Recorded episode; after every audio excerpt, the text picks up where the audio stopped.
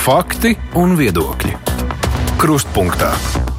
Studijā Mārija Ansone. Šodien mūsu uzmanības lokā starppilsētu pasažieru pārvadājumi, kas lielā mērā atkarīgi no tā, vai būs, kas sēdīsies starppilsētu autobusam pie stūres. Pasažieru pārvadājumi Latvijā sadalīti 16 zonās un konkursu kārtībā tiek izvēlēts pārvadātājs, kurš nodrošinās konkrētus maršrutus. Ar to ir bijušas problēmas, un kā galvenais iemesls tiek minēts autobusu šoferu trūkums. Līdzās tam šodien mūs sasniegusi ziņa, ka konkurences padomu ir konstatējusi aizliegt vienošanos starp trim pakalpojumu sniedzējiem, par ko piemērots kopā 2 miljonu eiro sots. Kas notiek šajā tirgū, kā tiek risināta problēma ar šoferu trūkumu, par to mēs diskutēsim šodien raidījumā. Mūsu studijā ir Latvijas pasažieru pārvadātāja asociācijas vadītājs Ivo Ošnieks. Labdien! Labdien! Šeit ir arī satiksmes ministra padomnieks Jānis Ieselnieks. Labdien! Labdien! Arī autotransporta direkcijas valdes priekšsēdētājs Kristians Godiņš. Labdien! Labdien! Un Latvijas sabiedrisko pakalpojumu un transporta darbinieku arotbiedrības priekšsēdētājs Juris Kalniņš. Labdien! Labdien! Vispirms par konkurences padomas lēmumu, jo iepriekš ir, jūs minējāt, ka jūs nezināt konkrēti, kuriem pārvadātājiem ir šis sots uzlikts. Bet vai jums ir kaut kāda nojausma, par ko ir runa, par kuru iepirkumu varētu būt par jau bijušu vai vēl esošu konkursu? Protams, ka nav. Ir kopējā bilde, ko no rīta konkurences padome ir atspoguļojusi. Tas ir vispār par šo iepirkumu iet runa kā mēs redzam no preses relīzes, ko konkurences padomu minēja, bet par konkrētiem faktiem jāgaida rītdien. Rīt pulksten desmitos konkurences padomu nāks klajā ar paziņojumu, tad ar mums visiem būs skaidrs, kas par ko un kāpēc. Bet nozars iekšienē nekādas pazīmes nav bijušas nu, ka kaut kas notiek. Jo taču nu, komersanti viens otru redz, runā. Uz, uz aizdomām jau asociācija sen jau ir norādījusi kopš no 2008. gada, kad bija jau pirmais iepirkums šajā nozarē. Līdz ar to kopēja tendence kā tāda, kad uh, grib šo tirgu pārdalīt, ir bijusi. Tas nav no, nenoliedzami, bet nu, par konkrētiem faktiem mēs varēsim runāt tikai pēc rītdienas paziņojuma. Bet, nu, tad, ja būs šis lēmums attiecībā uz pārvadājumiem, par ko pārvadātājiem, par kuriem ir bijušas aizdomas, par ko ir runāts, tad jūs būsiet gandarīts, ka tur ir kaut kāda skaidrība ieviest. Mm. Ka, ko nozīmē gandarīts? Tas nevar būt gandarīts, tāpēc ka tas norāda uz to, ka eh, nozarei ir būtiskas problēmas. Līdz ar to nozara šobrīd ir eh, faktiski tādā būtiskā nevis krīzes priekšvakarā, bet nu, dziļā, dziļā, dziļā teiksim, bedrē, no kuras būs jā, jārāpjas ārā. Bet nu, labāk atklāt ātrāk nekā vēlāk. Protams, protams.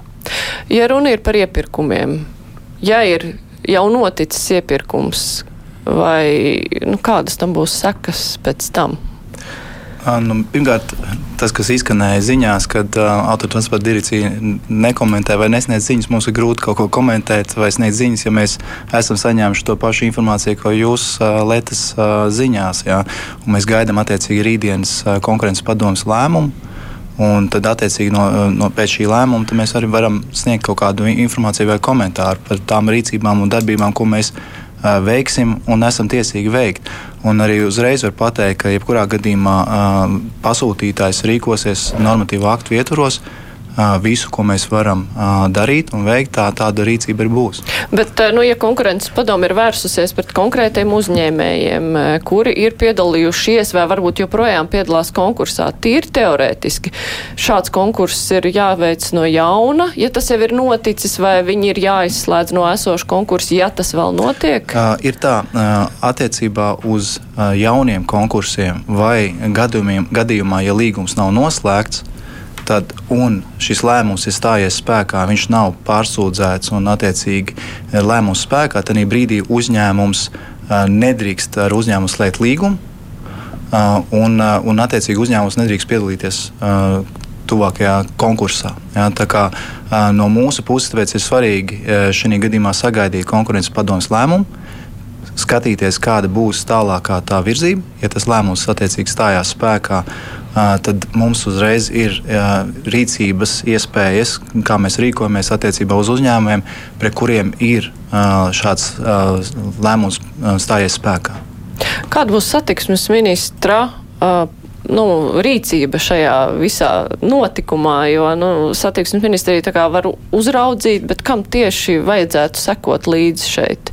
Es domāju, pirmkārt, ir ļoti labi, ka konkurences padome ir pieķērusies arī šai nozarei. Un, Uh, izskaužot uh, negodprātīgus uzņēmējus nozarē, sabiedrība tikai iegūs, jo iespējams uh, šīs konkurences skropļojuma rezultātā kaut kur ir, ir uzskrūvēta cena un sabiedrība, nodokļu maksātāji kopumā pārmaksā par pakalpojumu. Parasti konkurences kropļojuma rezultātā tā tas notiek, ko satiksmes ministrijas rīcība, protams, būs atkarīga no tā, par kādiem pārkāpumiem un par kuriem līgumiem ir runa. Jo skaidrs, kā jau autotransporta direkcija minēja, ir, ir, ir nu, tā juridiskās konsekvences ir atšķirīgas no tā, vai līgums teiksim, jau ir noslēgts, piemēram, uz, ar uzņēmumu kas, kas iespējams ir, ir šai, šo trīs uzņēmumu starpā. Savukārt, varbūt tas ir uzņēmums, kas šajos jaunajos iepirkumos nemaz nav piedalījies, vai nav ticis pielaists, vai nav noslēgts ar, vi, noslēgts ar viņu līgums. Līdz ar to tā situācija būs atkarīga no tā, kādā nu, teiksim, stadijā ir, ir šis, vai vispār ir uzņēmums nu, šajos jaunajos izsludinātajos. Bet nu, tā ir idejiski, ja ir konkrēti trīs uzņēmumi, par kuriem ir pieņemts lēmums, vai principā kāds no šiem uzņēmumiem var vēl piedalīties kādā konkursā vai var nodrošināt pasažieru pārvadājumus. Arī ne tikai runa par tagad, bet arī nākotnē. Es, es sapratu no autotransporta direkcijas, ka ta, šobrīd nevar viņu pie, nu, tas faktiski viņus izslēdz no konkursa vai no līguma slēgšanas, ja šāds pārkāpums ir konstatēts. Pat cik tālā nākotnē, teiksim, tā, tā stigma šim uzņēmumam velkās līdzi, nevarēšu es pateikt. Pavisam īsu ātrā komentāru. Uh, tieši tā, ja tas lēmums stājas spēkā, tad ir attiecīgi pamats uh, viens. Uh, ja gadījumā kāds no šiem uzņēmumiem, uh, kur ir atzīti par uzvarētājiem pēdējās septiņās lotēs, uh, divās mēs jau šobrīd esam līguma slēgšanas procesā, ja kāds no šiem, kas ir atzīti un, un viņš arī uzvar, tad attiecīgi, ja lēmums ir stājies spēkā, mēs līgumu ar šādu uzņēmumu neslēdzam. Tāpat arī cik ļauj publisko iepirkumu likums, šādu uzņēmumu tiek izslēgti no nākošiem konkursiem man, manā personīg, man, mana personīgā vai? reakcija būtu, ka, ja, ja likums to ļautu kaut vai uz mūžīgiem laikiem, bet mēs varam piemērot maksimālo iespējamo ierobežojumu, kādu pieļauj iepirkuma likums. Un to, to noteikti arī pasūtītājs visticamāk arī darīs. Tas maksimālais ierobežojums ir? Es saprotu, uz laika periodu, kas varētu būt tuvākie, tuvākie kaut kādi gadi. Ja? Bet uh, tur jāskatās no iepirkuma likuma. Es, es, es vienkārši gribētu pateikt, ka sagaidām to rītdienu, sagaidām, uh, sagaidām uh, konkurences padomus uh, publiskoto informāciju. Konkurences padome tieši tā dara savu darbu. Mēs nezinām, vai konkurences padome turpina vēl vērtēt vēl arī kādus citus uzņēmumus tā tālāk. Sagaidām uh, šo paziņojumu, pēc tam noteikti arī būs, uh, būs arī komentārs vai viedoklis arī no autotransporta direkcijas puses. Tā, tā būtu viskorektāk, man liekas. Jā, nu, protams, mēs gaidīsim rītdienu un konkrētos nosaukumus, bet turpinot par sākotnējo šīs dienas tematu. Jūs gan pagājušajā vasarā, pirms pusgada, gan arī nu pat kolēģiem Latvijas televīzijā minējāt, ka Uh, par spīti visam, visām problēmām ar uh, pasažieru pārvadājumiem 99,7% reizes ir izpildīti. Tā tas ir. Tā tas tā, ir. Tas, tā tas ir. Tā ir statistika. Un es varu pavisam nedaudz par tiem statistiku dokumentēt, bet kāda ir tā atšķirība šobrīd no tai situācijai? Ja? Tātad, savākot kopumā 22. gadu, mēs redzam, ka neizpildīto reisu skaits ir 0,25, 0,26%. Tas nozīmē, ka 99,7% pat nedaudz vairāk reizes tiek nodrošināts. Starp trim lielāk, biežākiem iemesliem reisu neizpildēji ir viens ceļu stāvoklis, kas vairāk ir raksturīgs ziemas mēnešiem. Otr, un pavasara mēnešiem. Otrs ir tehniskā problēmas un ceļu satiksmes negadījumi, un, un, un trešais iemesls - vadītāju slimošana un nepietiekamie resursi, lai varētu aizstāt. Aptaujājot visus pārvadātājus uz šo brīdi, 15% no visiem līguma darbiniekiem ir uz slimības lapas. Un uh, visvairāk vakanču ir attiecīgi uh, CATAI, Liepājas autos parkam, ne, Zatai, Nordekai un Normai A vis, visvairāk vakanču. Ir uzņēmumi, kur vakanču nav. Tie tie vairāk ir Latvijas pusē, bet kopumā, kopumā vakanču skaits ir 90 pieejamais brīvo vakanču skaits, kas, kas būtu, ko uzņēmumi būtu gatavi nodrošināt ar, ar darbu. Paskatoties pēdējo ceturksni, mēs redzam, ka tieši vadītāju slimības dēļ visvairāk neizpildīto reisu procentuāli ir uh, catai. Otrs, otrs uh, lielākais uh, neizpildīto reisu skaits mēs redzam ir ir līdzīgs. Pēc tam gan Tukums, Valmiera, sabiedriskais autobus, Liepāja. Tā kā šeit mēs redzam, ka kopumā slimojošo šoferu aizstāšana kā problēma e, ir e, vismaz pieciem e, uzņēmumiem, kur tā vis, vis, salīdzinoši regulāri parādās šie iemesli reizu neizpildē saistīti ar vadītāju slimošanu. Ja mēs paskatāmies uz laiku iepriekš, tad mēs redzam, ka līguma attiecības ar šoferiem salīdzinot ar 19. gadu ir nedaudz mazāk nekā tas bija 19. gadā, lai gan tajā pašā laikā arī uh, maršrutu tīkla apjoms ir mazāks nekā 19. gadā. Tas, kas ir lielākā problēma, tirgu nav pieejams uh, tik liels skaits. Uh, attiecīgi darba spēka ar attiecīgo kategoriju, un lai būtu iespējams viņus ātri aizstāt. Tajā brīdī ir slimojošo skaits. Un tas, ko mēs redzam kopumā nozarē, Autobusu vadītāja vidējais vecums ir 53 gadi.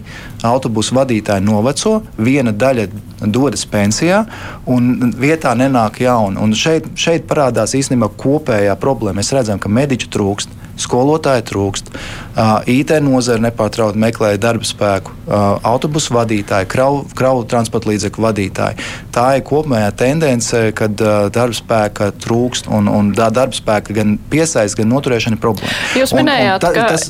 mēs par to arī sīkāk iztirzāsim šos iemeslus, kāpēc trūkst. Mm -hmm. Jūs minējāt, ka CATai ir visvairāk gan vakanču, gan slimojošo darbinieku bijis. Pagājušajā gadā vistālāk aizskanēja ziņas tieši par aizkrauklis ogres virzienu, kur uh, ogre aicināja izsludināt ārkārtas stāvokli neizpildīto reisu dēļ. Tur neparādās šajos datos Liepājas autobusu parks. Kāpēc parādās, ka viņi ir ļoti daudz nav izpildījuši, bet uh, tajos jūsu problēmu uzskaitījumos īpaši viņi nav redzami? Liepājas autobusu parks ir sarakstos. Uh, tas, ko es arī minu, kad, uh, ja mēs paskatāmies uz Liepājas autobusu parku un ogri un, un aizkraukli, tad tā izteikta problēma. Un lielākā reisu neizpilde salīdzinot ar citiem pārvadātājiem bija tieši jūlijas un augusta mēneši.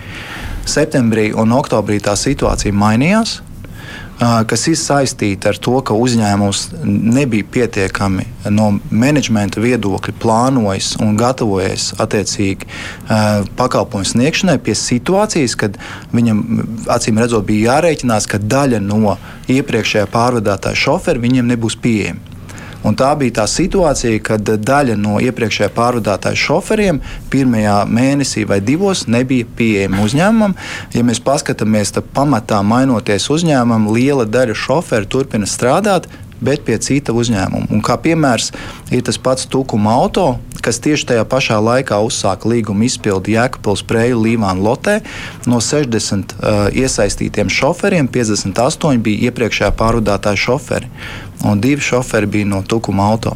Bet, jebkurā gadījumā, uzņēmuma menedžments nebija uh, attiecīgi šos visus riskus uh, izvērtējis un laicīgi novērsis. Un tā rezultātā arī tā reisu neizpilde skaitliski vislielākā arī bija uh, jūlijā, augusta mēnesī. Šobrīd, ja mēs skatāmies un vērtējam, kā jau minēju, pēdējo ceturksni, tad tā situācija ir uh, nedaudz mainījusies. Tā pašā laikā Liepājas Saules parkam ir arī salīdzinoši reisu neizpildes, kas ir gan saistīts ar ceļu stāvokli ziemā, gan ar vadītāju slimošanu. Vadītāju trūkums tā ir tāda jauna problēma vai tā ir veca problēma? Ja mēs skatāmies garākā griezumā, tad tā neteiksim veca, bet sena problēma, jo, kā jau godīgi kungs minēja, šoferi noveco. Un, un šeit es gribētu šo jautājumu sadalīt divās daļās. Būtībā ir viens stāsts par šiem ilgtermiņa līgumiem, un otrs stāsts par īstermiņa līgumiem, kur, protams, ja mēs skatāmies šos īstermiņa līgumus, mēs jebkurā gadījumā atdursimies pret finansēm, cik var atļauties uh, autobusu parks maksāt uh, šoferiem atalgojumu. Un uh, spiežot šī konkurences apstākļos šo cenu uz leju, nav iespējams teiksim, būtiski palielināt šīs, šos atalgojumus. Bet, ja mēs skatāmies globāli, tad jā, tiek pieminēti vairāk uzņēmumi, kuros ir problēmas, bet ir arī uzņēmumi, kuros nav problēma. Mm. Un līdz ar to nav viennozīmīgi nevaram pateikt, ka tas ir šobrīd, dotajā brīdī, ka tas ir visā Latvijā. Šī problēma ir. Mūsu kā nozara satrauc tas stāsts, ka jā, viņa ilgtermiņā kļūs par vēl nopietnāku problēmu. Jo, ja mēs paskatāmies uz šīm kategorijām, D kategoriju cilvēkiem, kas ir ieguvuši, tad šobrīd CSDD uzskaitē ir ap vairāk kā 50 tūkstoši ar šo kategoriju. Un līdz ar to runāt dotajā brīdī, kad, nu, kad mums trūkst vadītāji, tāpēc ka nav D kategorijas, īsti neatbilst patiesībai. Primārais jautājums tomēr ir šis atalgojums visam pamatā.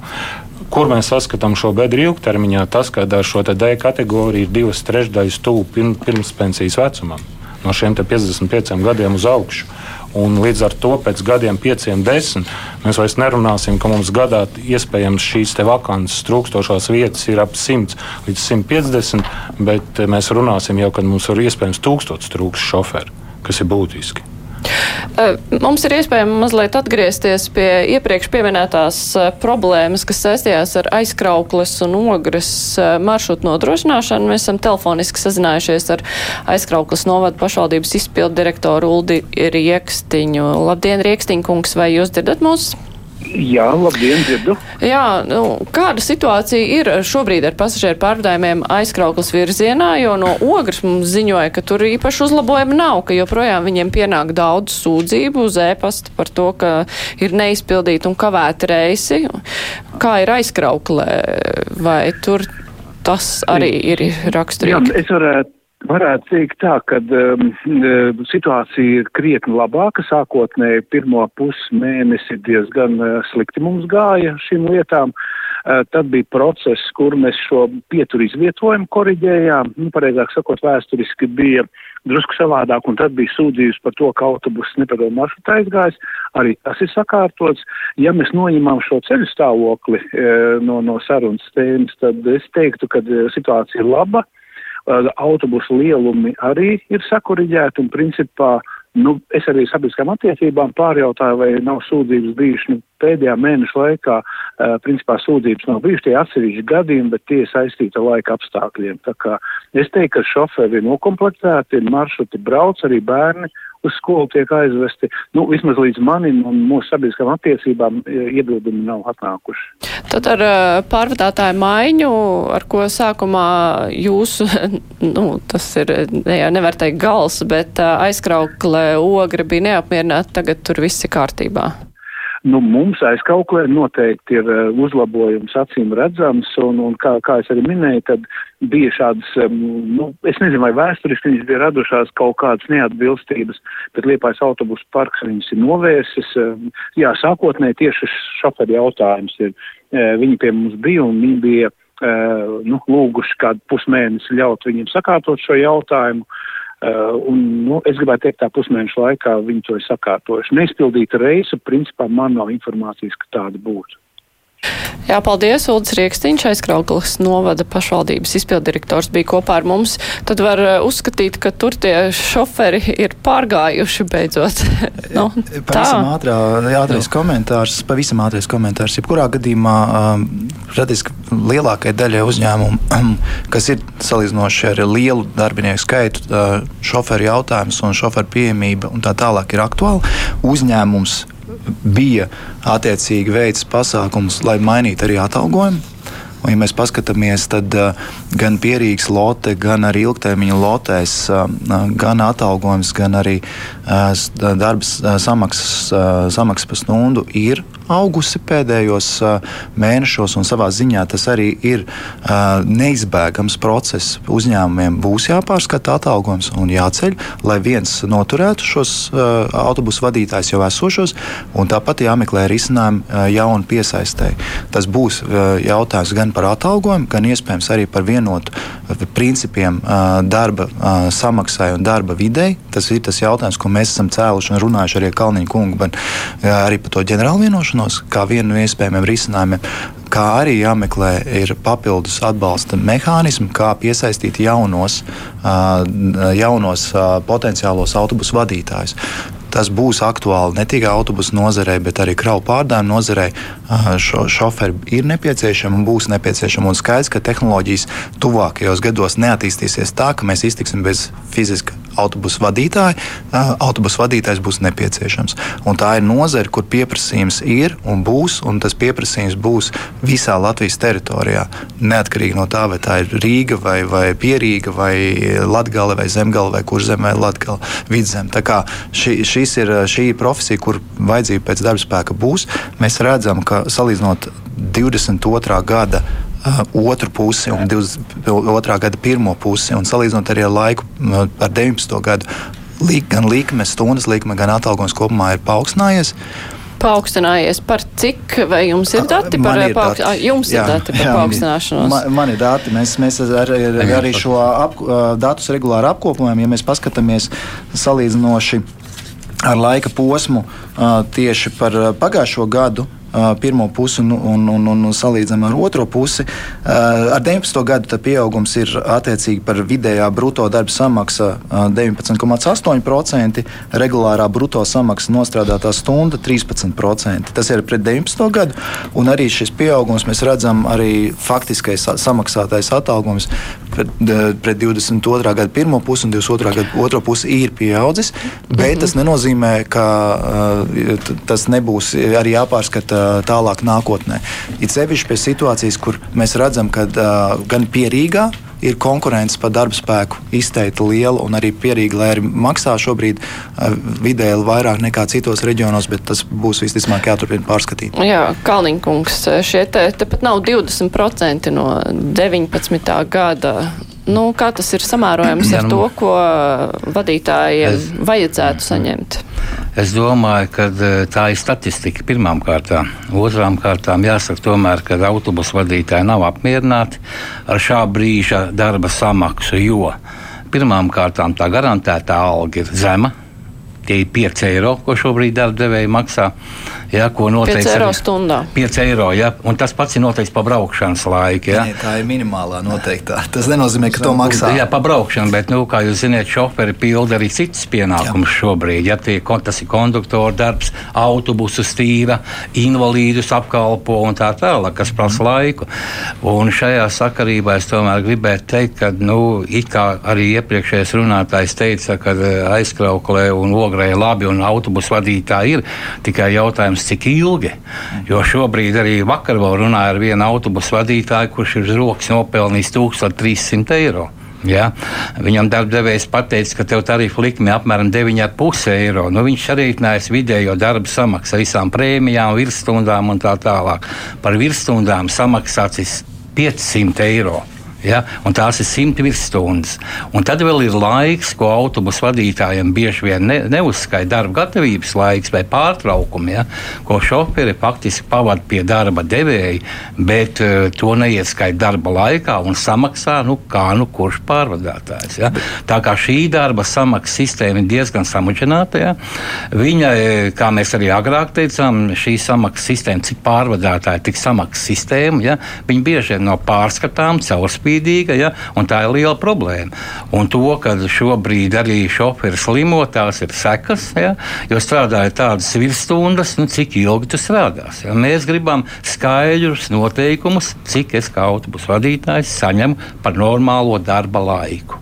No. Ja? Un tad tā ir mana izvēle, vai es gribu strādāt, vai es varu strādāt virsstundas. Ja? Šobrīd nozare turās pamatojoties to, ka šie šoferi vēl kaut cik var vilkt virsstundas. Ja. Toties viņa mājas mazāk redz.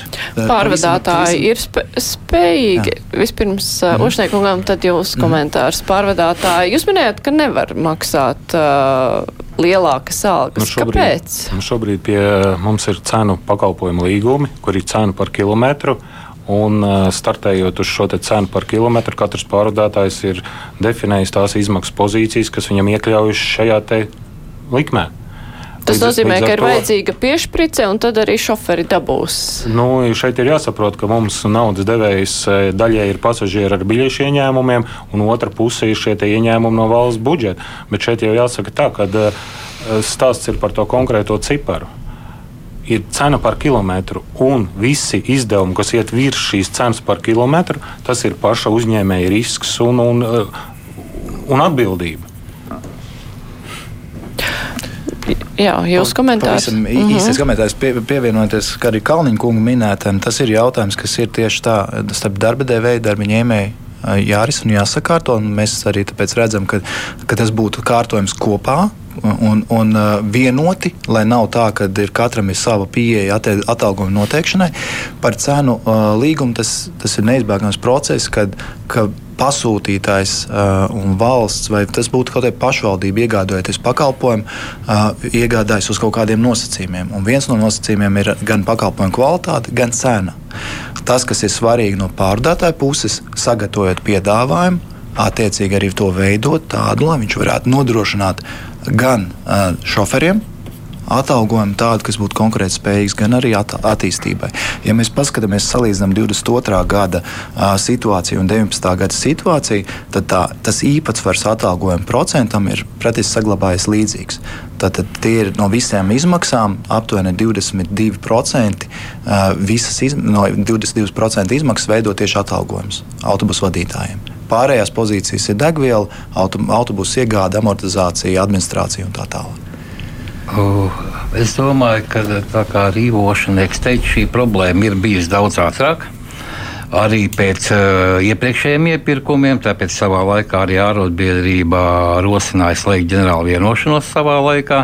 Bija arī NTSP lēmums šajā sakarībā. Diemžēl nu, pārvadātāji nebija ar mieru visu šo laiku šo ģenerālu vienošanos slēgt. Bet neiet runa varbūt par ģenerālu vienošanos kā pašmērķi. Ja?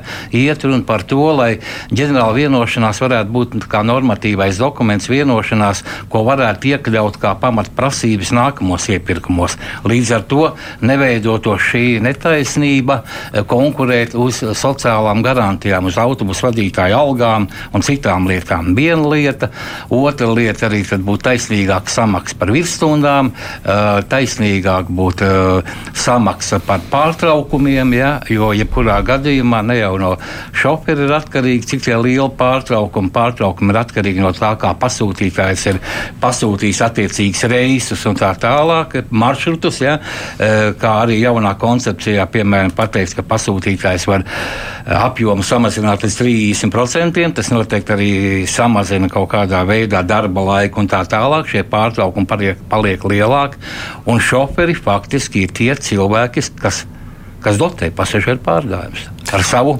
darbu, ar savu klātbūtni esot darbdevēja rīcībā. Bet izskaidrojiet, kā ir, nu, ja ir konkurss uz desmit gadiem, maršruts tiek vienam pārvadātājam. Ir cena par eh, kilometru, ko saņem šis pārvadātājs. Jā. Tas ir uz visiem desmit gadiem? Nē, ir Nē. Indeksācijas periodi, ir pārskatīšana cenu, kas var būt balstīta uz divām pozīcijām. Viens ir atalgojuma izmaiņas, un otrs ir degvielas izmaiņa. Un pārskatīšana pirmais periods ir pēc četriem līguma darbības gadiem, un pēc tam pēc trim līguma darbības periodiem. Sanāk tā, ka tajā periodā ir divas, divi indeksācijas periodi kad tiek pārskatīta cena? Jāsaka, jau tā, ka, protams, šeit ir atkal stāsts ilgtermiņa līguma un īstermiņa līguma. Ja mēs runājam par ilgtermiņa līgumiem, diemžēl mēs redzam to tendenci, ka atsevišķi pārādātāji ir nodempingojuši ar šo cenu un taisnu šoferu atalgojumu, jo šoferu atalgojums ir lielākā sadaļa šī pašizmaksā. Un, ja pāris uzņēmumi var gadu ilgstoši būt ar pamatlikmi 3 eiro vai 3,50 eiro kur kaut gan nolikumā bija 5 eiro prasīts. Nu, īsti korekti tas nav. Un tad ir stāsts, jā, pārvadātāji konkurē brīdī, kad ir iepirkums, bet tie, kur atļaujas lielākas šīs maksas slikt autobusu vadītājiem, viņi kļūst nekonkurētspējīgi, tāpēc ka viņiem ir cena par kilometru lielāka. Un šeit nav argumenti ar to, ka ir saimnieciski izdevīgākais un neizdevīgākais. Jo tehniskais piedāvājums visiem ir tuvu līdzīgs šiem punktiem, ko var saņemt, bet visu nosaka cena. Un tad vinnēs tas, kurš, kuram ir mazāk šī cena. Kaut gan mēs ilgtermiņā labi saprotam, ka par šo cenu šis atalgojums nu, nevar šos četrus gadus arī nevar izvilkt. Um, ātrais komentārs mēs redzam, uh, ka um, tās tā, ma maksātājas atalgojums uh, kā jau minēju, ilgtermiņa līgumiem ir lielāks.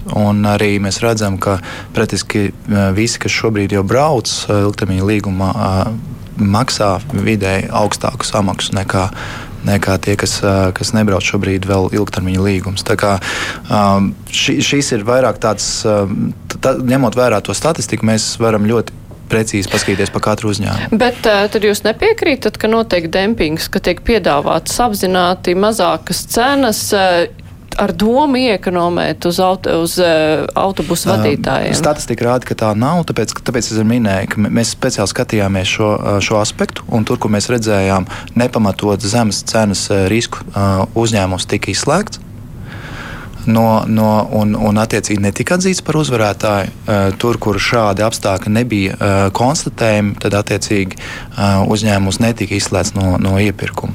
Bija arī gadījumi, kad uzņēmums bija piedāvājis zemāku cenu nekā minimāli noteikto stundas likmi. Uzņēmums tika izslēgts no, no, no, no vērtēšanas un no un, un šis piedāvājums attiecīgi tālāk netika virzīts. Tā kā šī, šis, ir, šis bija risinājums, kā uh, vismaz pamatlietas stundas vadīšana pie autobusu vadīšana pie stūres vai sagatavošanās laiku mēs varējam, varam izkontrolēt. Tas, ko mēs gribam pateikt, nevar visus jautājumus starp darba devēju un darba ņēmēju risināt ar iepirkumu. Tas ir jārisina kopēji vienoties, nozarei, darba devējiem, darba ņēmējiem. Tad brīdī, ka, ja, ja ir šī ģenerāla vienošanās, šī ģenerāla vienošanās kļūst saistoša un attiecīgi tā tiek uh, uzlikta kā obligāti pildāma visiem, kas pretendē uh, konkursu kārtībā iegūt pasūtījumu. Tā kā šeit ir tas stāsts sekojošs. Tas, ko pirms tam iepriekš nekad nav bijis noteikta minimālā stundas likme šo, ar šiem konkursiem tas tika izdarīts pirmo reizi, nosakot minimālo stundas likmi, un tas dod uzreiz arī uzraugiem pamatu eh, vērtēt, vērsties pret uzņēmumu, ja viņš to neievēro. Un, attiecīgi, aizsargāt arī uh, attiecīgi, darba ņēmē, ņēmēju intereses. Uh, pirms tam šāda veida minimālās stundas likmes netika noteiktas. Tad brīdī gan varēja uzņēmums arī spekulēt ar atalgojumu. Mēs redzam, ka šī, šī statistika rāda, ka nu, nav pamats argumentam. Cita lieta, ka varētu maksāt vairāk, un mēs redzam, ka tirgus prasa maksāt vairāk, bet tas nav pamats argumentam uzskatīt, ka uzvarējis tikai tāpēc, ka cena ir, ir zemāka. Nu, tad paskatāmies, arī iepirkuma komisija ir paziņojusi uzvarētājs visās, visās lotēs šobrīd šobrīd arī pēd, pēdējās septiņās lotēs. Divās mēs uzsākuši esam līgumu slēgšanu ar Valmieras VTU un, un normas, normā. Nu, tad, šāds apgalvojums nozīmē, ka arī šie uzņēmumi ir uh, dempingojuši. Nu, Nu, labi, iesaulniekums, nu tā visu no malas klausoties, jūs pārstāvat satiksmes ministriju, kas tā kā uzrauga, ne, bet, nu, jā, nodrošina visu šo procesu. Um, Jums eh, kāds radās iespējas? Viss ir kārtībā ar šiem iepirkumiem, ar minimālo stundas likmi, ar eh, to, ka nenotiek dempingošana šajos konkursos, ka noteikumi ir pilnīgi skaidri, vai tomēr tas prasa kaut kādas korekcijas, jo no vienas puses, nu, iepirkums ideāls, rezultāts tāds, ka mēs nezinām, vai būs šoferi. Jā, te jāsaprot, ka savā ziņā sadalās. Um, sadurās eh, divas sabiedrības intereses. Eh, viena, protams, ir saprotama, ka eh, pasažieri grib kvalitatīvu pakalpojumi, lai šoferiem ir uh, labas algas, uh, līdzīgi kā jebkurā nozarē. No otras puses, uh, sabiedrība kā nodokļu maksātājs negrib, nu, pēc iespējas mazāk par šo pakalpojumu maksāt, tas ir savstarpēji pretrunīgas sabiedrības intereses arī. Mums, mēs, protams, kā satiksmes ministrija, labprāt šim pakalpojumam prasītu lielāku budžeta piešprits, kā jūs -hmm. teicāt. Bet nu, tas, tas ir. Tas nav bezgalīgs eh, process. Valsts budžets nav liels smaiss, no kur var pasmelt, cik, cik, eh, cik grib. Ja, un, un eh, attiecīgi arī maksāt šoferiem vairāk. Mums ir jāsalāgo ar citām sabiedrības interesēm. Bet kādu no, risinājumu no tad jūs redzat? Jo skaidrs, ka nu labi, viena lieta, ja vienkārši paceļ biļešu cenas, ja, un tad jautājums, domāju, vai pasažieris ir gatavs maksāt vai nav. Slikto, slikto ziņu vēstnes, bet ņemot vērā, ka vispārējā inflācija šogad pagājušā gadā ir bijusi 22%, pēc otrajā pusgadā vismaz, tad, tad eh, nu, droši vien šī inflācija atspoguļosies arī biļešu cenās. Jo pret, pretējā gadījumā ir tikai viena izeja palielināt mm. budžeta piemaksu šim pakalpojumam, kurš ir jānodrošina, vai samazināt pakalpojumu apjomu, kas būtu samazināt reisu skaitu, kas atkal nebūtu pārāk populārs lēmums. Kaut kur šis uh, vidusceļš būs jāatrod, un visticamāk būs, būs šis pakalpojums dārgāks. Lai uh, pretējā gadījumā mēs vienkārši budžetā audzēsim katru gadu ar, ar vien lielāku šo summu, kas ir jāpiemaksā par pakalpojumu. Uh, kas attiecās uz konkursiem, tad uh, ir labi, ka beidzot ir parādījušies konkursā tādi uh, noteikumi, kā minimālā stundas likme, kas ir jāmaksā šoferim, ka vairs nav uh, princips, ka lētākais piedāvājums vienmēr uzvar. Ja, tas, uh, un tās uh, dempingošanas iespēja ir, es, neteik, es neticu, ka viņi pilnībā novērst, ja, bet es domāju, ka ar šīm te, jau kvalitatīvajiem kritērijiem ir būtiski ierobežot dempingošanas iespēju. Bet viņi, protams, jebkurā, jebkurā iepirkumā tas, šī problēma paliek. Un, un, jo šeit, kā jau teicu, tas vienmēr sadursies uh, divas sabiedrības intereses par uh, saņemt labu pakalpojumu, bet maksāt par viņu maz. Nu jā, bet vai nevajag paaugstināt šīs prasības, kas ir konkursā ielikts, jo, nu, piedodiet, 5 eiro minimālā stundas likme cilvēkam, kuram ir kvalifikācija un milzīga atbildība, tas, nu, kaut kā nelīmējas. Es, es domāju, mēs varam viens runāt par konkursā par minimālajām prasībām, bet ja mēs skatāmies šo statistiku, tad ir tīpaši Rīgas reģionā, kur šie šoferi visvairāk trūkst, tad mēs redzam, ka pret, gada, pret 2022. gada sākumu un beigas tur tas algu lēciens ir ļoti būtisks tieši, tieši Pierīgas reģionā šoferiem. Nu, Salīdzinot ar inflāciju, turklāt ņemot vērā, ka četri gadi tas... Rīgas reģionā, ja mēs mm -hmm. skatāmies, izvelkam tieši Rīgas reģionu, tad tur pārsniedz inflāciju šis. Inflācija uz kuru brīdi? Uz nu, teicu, 22%, kas mums ir. Pārējos mm. reģionos, diemžēl, kas arī velk to šoferu algu, nu, statistiski velk šo šoferu algu pieaugumu uz leju, pārējos reģionos šis pieaugums nav, jo tur arī šīs problēmas ar šoferiem, piemēram, Latgalē, šī problēma vispār gandrīz nav. Un tur arī, diemžēl, līdz ar to algas nav īpaši kāpušas pagājušā gada ietvaros. Tā kā mēs redzam, ka teiksim, tas, ko konkurss kā minimālo likmi paredzēja Eh, pēc astoņiem gadiem uz 30 no gadu šobrīd jau tiek maksāts vairāk nekā mm -hmm. konkursa minimālās prasības bija uz 30. gadu.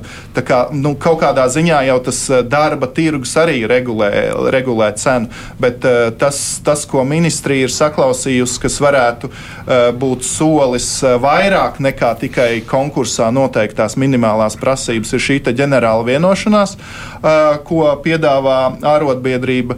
Uh, mēs gribētu, ministrs gribētu jau savā līmenī aicināt pie viena galda arī autopārvadātājs un runāt, vai, jo protams, ministrija nav ģenerāla vienošanās slēgšanas puse, bet mēs varam, teiksim, ar tā ar savu ministriju autoritāti censties tomēr starp šīm pusēm atrast kādu kompromisu, sēdināt pie galda un varbūt izdodas šo ģenerālu vienošanos noslēgt, kur jau būtu kvalitatīvi, teiksim, vairāk un augstākas prasības nekā tīri konkursā, kā minimālās prasības, kas, ar ko šobrīd tas tiek regulēts. Kalniņkungs, e... tirgus sakārtos? Nu, nu nezinu, vai sakārtos, bet uzlabos, ja skatoties, kāda būs mūsu tā vienošanās. Bet ko es gribēju teikt? Es gribēju tomēr teikt, ka šī nozare Eh, mūždien ir bijusi badināta, vai teiksim, viņa nekad nav saņēmusi nekādas papildu dotācijas. Arī agrāk mēs runājām par algām, tad, kad bija koncesijas līgumi, ja mēs gājām pie ministra, lūdzām naudu. Nekad papildus līdzekļi šai nozarei nav atradušies. Tā kā jebkurā gadījumā mēs ceram, ka pārvadātāji tomēr savus spēkus saliks kopā, un mēs varēsim runāt. Tāpat laikā es gribu teikt, ar šiem cenu līgumiem vai par tām naudām diez vai mēs panāksim tādu vienošanos, ko, ko šoferi gribēs redzēt. Ja? Tad faktiski, jebkurā gadījumā būs vajadzīgi naudas līdzekļi papildus no budžeta. Ja tie ir tomēr no, no tā ir minimālā darba alga e, nozarē, tas ir otrs darba un atpūtas laika regulējuma un iespējama apmaksa par pārtraukumiem. Tā ir kvalifikācija 95. kods kā minimums, ja varbūt kādas citas garantijas. Ja? Un tas arī zinām zināmā mērā tā ģenerāla vienošanās dos tomēr, ka eh, autobusu vadītāji arī nemigrēs no viena uzņēmuma uz otru, kā tas bija iepriekš, ja, kad bija katra, e, koncesijas līguma. Ja viņi cerēja atrast kaut kur labāku, ja, algu vai vēl kaut ko. Un tas arī nav normāli, ka mēs sākam Latvijā likt šoferiem migrēt, e, dzīvo gulbenē, brauc uz Rīgas strādāt. Tu, tas nebūtu labākais. Par ģenerālu vienošanos vispirms, un pēc tam par uh, to naudas piešprits ātrāk nekā četri gadi nu, līguma. Es varbūt, es varbūt otrādi. Nu, labi, otrādi. Es varbūt otrādi. Eh, ļoti interesanti ir dzirdēt no satiksmes ministrijas puses, ka eh, vienīgais risinājums šobrīd būs ģenerāla vienošanās. Es neteicu, ka vienīgais. Uh, nu, pamata, nu, es citus nesadzirdēju. Vainīgi ir šie dažādi. Kā, nu, es, nedzirdēju, es nedzirdēju no satiksmes ministrijas Nē, puses, ka tiek izskatīts. Minēja, bet kad būtu primārais, nē. Par ģenerālu vienošanos šeit ir interesants stāsts par to, ka mums šobrīd trūks nozarei budžetā, budžeta bāzē 40 miljonu eiro ko atrisinās šī ģenerāla vienošanās, ja mums trūks 40 miljoni, kur nav bāzē. Mēs šobrīd neredzam. Iepriekš runājot ar ārotbiedrību par šo ģenerālu vienošanos, jā, mēs runājam satiksmes ministriju, kad jābūt ir kaut kādai trispusējai vienošanās, jo, kā jau teicu, naudas maksātājs ir valsts. Valsts līdz šim bāzē skaidri parāda, ka viņi nav gatavi samaksāt vajadzīgo summu, kāda ir nepieciešama esošam pakalpojumu sniegšanai. Tad kur ir garantija tajā brīdī, ja teiksim, nozare noslēdz šādu ģenerālu vienošanos, kad tā papildus nauda, kas būs paredzēta šī ģenerāla vienošanās, pēkšņi atradīsies budžeta bāzē? Šāds garantijas ministrija līdz šim mums nav iedavusi īsu repliku. Runājot, nu, pagaidiet, mm -hmm. runājot par, par pašu ģenerālu vienošanos, ir interesanti tas, ka uh, Šobrīd, kad konkursi ir notikuši, šobrīd sākas diskusijas publiskā telpā par ģenerālu vienošanos. Nu, tas Manā ir domāts tā kā uz nākotni, nevis es, uz pagātni. Nu, nē, šobrīd nē? ir interesanta situācija. Pāris uzņēmumi nevar izbraukt ar to ciparu, kādu viņi ir nosolījuši, ņemot taisnu vērā šīs darba atalgojumus. Jo šeit var pieminēt, ka jā, šobrīd viņi maksā vairāk nekā ir šī minimālā nauda nolikta. Kāpēc divi uzņēmumi veselu gadu bija ar tarifu likmi 3, 3,50? Kaut gan bija jābūt 5 eiro. Par to mēs šeit tā paklusējam. Šeit mēs runājam par to, cik viņi kopā maksā. Kopā varbūt maksā, bet tur cik ir šīs stundas. Un tagad sanāk, ka tirgu ir, tirgus ir aizvērts, līgumi ir noslēgti. Tagad mēs būtībā mēģināsim atrast instrumentus, ar ko pārskatīt šos cenas šiem līgumiem. Manā skatījumā, manā skatījumā uzņēmums, jebkurš uzņēmums, lai viņš piesaistītu sev darba spēku, pats izvērtēja, cik viņš var atļauties maksāt atalgojumu un šo atalgojumu celt savu iespēju robežās. Atrast uz no, republikas uz visiem. Ģenerāla vienošanās Kalniņkungs minēja, ka desmit gadus mēģina uh, noslēgt. Tas ir krietni pirms jebkura konkursa, pēdējiem ilgtermiņa konkursiem, kas tika izsludināts. Un arī tad, kad tika uh, gatavoti noteikumi un izsludināšanas, mums bija sarunas un konsultācijas arī ar arotbiedrību. Un tajā brīdī, ja šāda vienošanās būtu spēkā, tad tas būtu ielikts arī uzreiz kā, kā punkts, kas ir obligāti jā, ir saistošs jebkuram pretendentam. Tā kā pateikt, ka tagad tiek meklēti risinājumi ģenerāla vienošanai, nepareizi. Otrs par tarifu likmēm 3,5.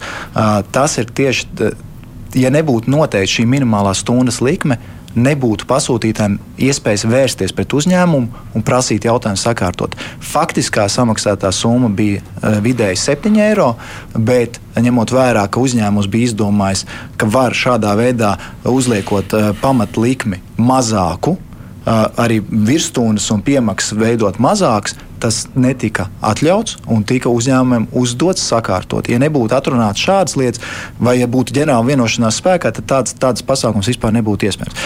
Uh, par bāzes finansējumu. Nec satiksmes ministrija, nec autotransporta direkcija nav tās, kas, kas pieņem lēmumu, cik liels tas budžets būs. Ja. Gan satiksmes ministrija, gan arī autotransporta direkcija ir devusi uh, precīzus aprēķinus, cik nepieciešams nozarei, un tas ir vairāk nekā bāzē piešķirtais. Jā, bāzes finansējums piešķirts gadu no gada ir mazāks nekā faktiski vajadzīgs. Pēc tam vienmēr tiek meklētas piešķirtas un, un pielikt klāt trūkstošā nauda, bet tas ir, protams, sarežģīts process visām pusēm, gan pasūtītājiem, gan pārvadātājiem jautājumiem. Tā kā, bet pats pats pēdējais, ko gribēju teikt, nu, pirms pār, pārdotājs pār, pārstāvis saka, ka uh, bāzes finansējums ir tāds, nav jau bijis tas kopējais piedāvājums, ar ko atnāktu uh, arotbiedrība kopā ar pārdotāju asociāciju, rekur mūsu redzējums, kāds tas varētu būt attiecībā uz atalgojumu un tad veikt aprēķinus, skatīties, kāda ir šī ietekme un meklēt šo kompromisu, līdzīgi kā tas ir Igaunijā. Tā kā šeit ir eh, visu laiku at, at, atrunājamies, ka bāzes finansējums nepietiekams, jā, nepietiekams, bet tas piedāvājums par to redzējumu, kur būtu vienots, sagatavots, nu, viņš tāds bet arī nav bijis. Piedāvājums, bet eh, kādi tad ir tie varianti? Viens variants ir paaugstināt tā, to, ko maksā pasažieri, un otrs variants ir visi nodokļu maksātāji samaksā. Nu, kāds vēl ir variants? Ir vēl kāds variants? Droši vien, ka ministrijai jāmeklē tie jā, varianti.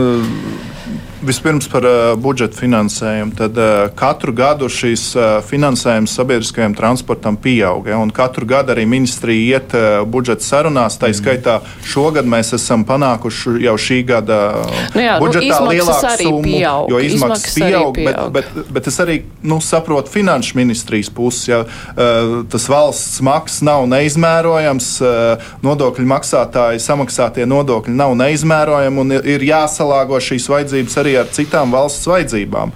Uh, pilnīgi visās nozarēs. Līdz ar to, uh, protams, tas ir mūsu kā satiksmes ministrijas pienākums uh, nākt un, un, un prasīt šo. Nekad mēs nedabūjam bāzē to, ko mēs gribētu dabūt bāzē vai, vai kā, kā, kā vienreizēji. Jo katru gadu tā cīņa ir katru gadu no jauna, un tas arī iemesls, kāpēc mēs nevaram sniegt kaut kādas garantijas, jo ne jau, finanšu, ne jau satiksmes ministrija dala, dala nodokļu naudu. Viņi piedalās budžeta sarunās, un, un, un, un, un kāds, kāds tajā brīdī sanāk tajā gadā šis budžeta kompromiss, jo katru gadu ir dažādas prioritātes uh, citās nozarēs. Nu jā, bet tad kāds ir risinājums? Risinājums, uh, manuprāt, ir, ir, ir vairāk, protams, es jau pieminēju ļoti nepopulāro par biļešu cenu pieaugumu, tad būs tikpat nepopulāra piedāvājums uh, samazināt maršrutus, uh, jo ir, protams, vietas, kur autobusi brauc ļoti tukši, un, un, un tur atkal ir jāsalāgo. Vai, uh, dažu cilvēku dēļ ir rentabli, nu, ne rentabli, bet liederīgi šo, šo autobusu dzenāt uz kaut kādu tālo galu. Tas arī ir nepopulārs jautājums, ne, neizbēgam. Vēl kas, manuprāt, varētu būt viens no nu, tādiem atsevišķās teritorijās risinājumiem. Novērst finansiālus un administratīvus šķēršļus komercreisu atvēršanai, kas nav vairs šajās sadalītajās lotēs ar, ar valsts budžeta piefinansēšanu. Bet, nu, komercreisu ir attaisnojuši tik ļoti, lai var cerēt viņi, uz tiem? Viņi ir pārāk maz mūsu skatījumā šobrīd. Tur ir daži pamatoti, manuprāt, eh, iebildumi no pārvadājumiem par, eh, par, par tām pasažieru kategorijām, kas viņiem, piemēram, invalīdi, daudz bērnu ģimeņu, kuriem ir eh, ļoti liels atlaides, jānodrošina arī komercreisos. Mm. Un faktiski valsts, valsts šo viņiem neapmaksā, nesadz šos izdevumus, kas rodas no šīm pasažieru kategorijām. Manuprāt, šie ir tādi risinājumi jautājumi, kas varētu palielināt šo komercreisu pievilcību eh, pārvadātāju acīs, atvērt vairāk šos komercreisus, eh, kas, kas arī līdz ar to, bet tas arī nu, tur faktiski pasažieris samaksā par visu šo pakalpojumu, kur budžets vairs ne, nes, mhm. nepiedalās. Un pavisam maziņš komentārs mm. papildus. Paldies Iesauniekam, viņš uzskaitīja lielu daļu no tiem, bet ir vēl viens, kas varbūt ir tāds atkal drusku tādu pozitīvu pieskaņu pasažieru vilciena um, rīcībā būs 32 jauni elektrovielcienu sastāvā. Lielākā daļa būs šogad, Plāns šobrīd ir vairāk kā 20, un nākamgad atlikušie, kas ļaus palielināt intensitāti elektrozonā, biežāka kursēšana, biežāka braukšana vilcieniem, kas ļaus attiecīgi pārskatīt kaut kādus apjomus arī autobusu pārvadājumiem, kas vairāk tā skar tādu pierīgas reģionu, ja, kur, kur, kur vairāk tieši elektrozonā apkalpotie, apkalpotie pārvadājumi. Tā kā šis ir arī viens aspekts, kas varētu pamainīt nedaudz izdevumus un palielināt ieņēmumus no pasažieru skaita. Kurš no variantiem eh, pieminētajiem, kā palielināt uh, naudas daudzumu pārvadātāju rīcībā, kas ir biļešu cenas, reizes samazināšana, nu, pārējais ir tā, uh, pārskatīt maršrutu. Kurš no tiem ir tas?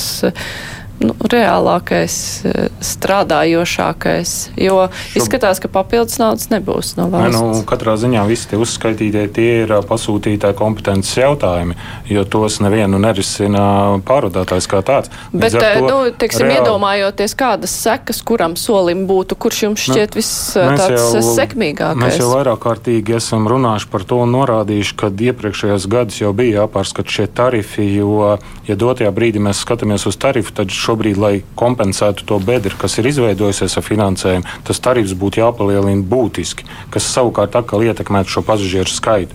Bet gadu no gada, ja šis tarifs būtu palēnām kāpināts augšā, tad eh, mēs eh, būtu jau neatbaidīti pasažierus faktiski. Šobrīd, jā, šobrīd atkal būs dilemma izšķiršanās, cik lielu šo kāpumu veidot, un vai viņš pienesīs tik lielu, lai nosaktu to mūsu izveidojušos izdevumu bedri. Protams, otrs ir maršrutu tīkla samazinājums, jo šeit ir jāsaka, ka, uh, protams, ministrijas vienmēr ir centušās meklēt šo naudu, lai nepaliktu vispār pasažieru bez pakalpojumu. Bet tā nav normāla situācija, kad gadu no gada šāda situācija tiek veidota, un viņi tiek veidoti, es teikšu, apzināti. Mums ir valsts pasūtījusi kilometrus, un pretī kilometriem ir cena.